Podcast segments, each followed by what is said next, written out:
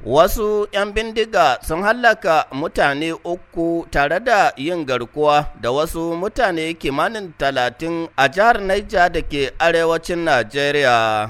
Bayanai daga yankin Basa ta ƙaramar hukumar Shiroro na nuna cewa da safiyar ranar Alhamis ɗin nan maharan suka auka ma wannan yanki. Wani mazaunin yankin da ya buƙaci a saka sunan shi ya ce daga ciki mutane biyu da aka kashe jami'an tsaro ne na 'yan banga. Sannan ya ce daga ranar lahadin da ta gabata zuwa yanzu sama da mutane goma sha uku ne maharan suka kashe tare da yin garkuwa da wasu kimanin arba'in. Suka buɗe ma 'yan sa kai da 'yan bangan nan wuta. So luckily dai sun samu sun halbi yara uku. At least yana ga a lissafin da muka yi sun kashe mutane goma sha uku kenan. Daga ran lahadi zuwa yau.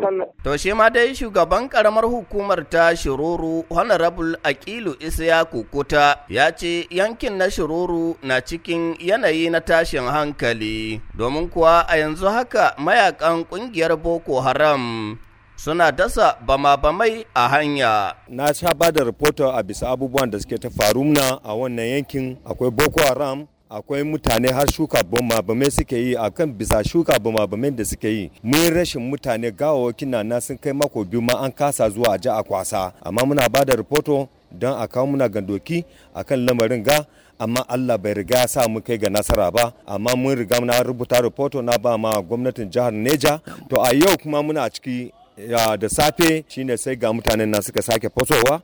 Amma Allah sa akwai sa kai da muke da su a wurin na da vigilante don su nemi kariya. Ba dai sun zo wani neman kariya ma ba abin da ya faru da ya fi wurin. Sun kashe muna mutane guda biyu wanda yake sun riga mu gidan gaskiya ba sun kwashe muna al'umman jama'a sun wuce da shi.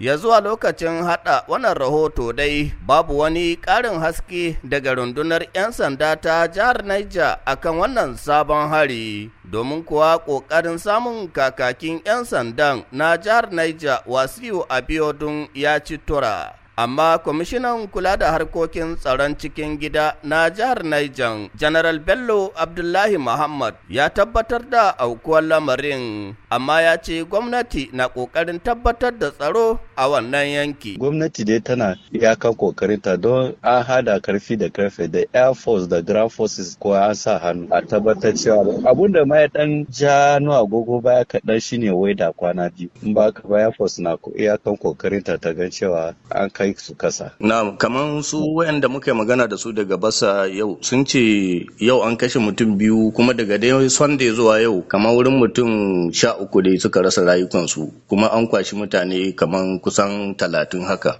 Gaskiya al'amari komai ya faru haka a kowanne su a side ɗinsu za su yi exploiting number. abu ya faru amma dai nambobi yawanci bai kai fatar mutanen wannan yanki dai shine a ƙara jibga jami'an tsaro a wannan yanki domin samun sauƙin lamarin. Mustapha nasiru batsari murya amurka daga mina a najeriya.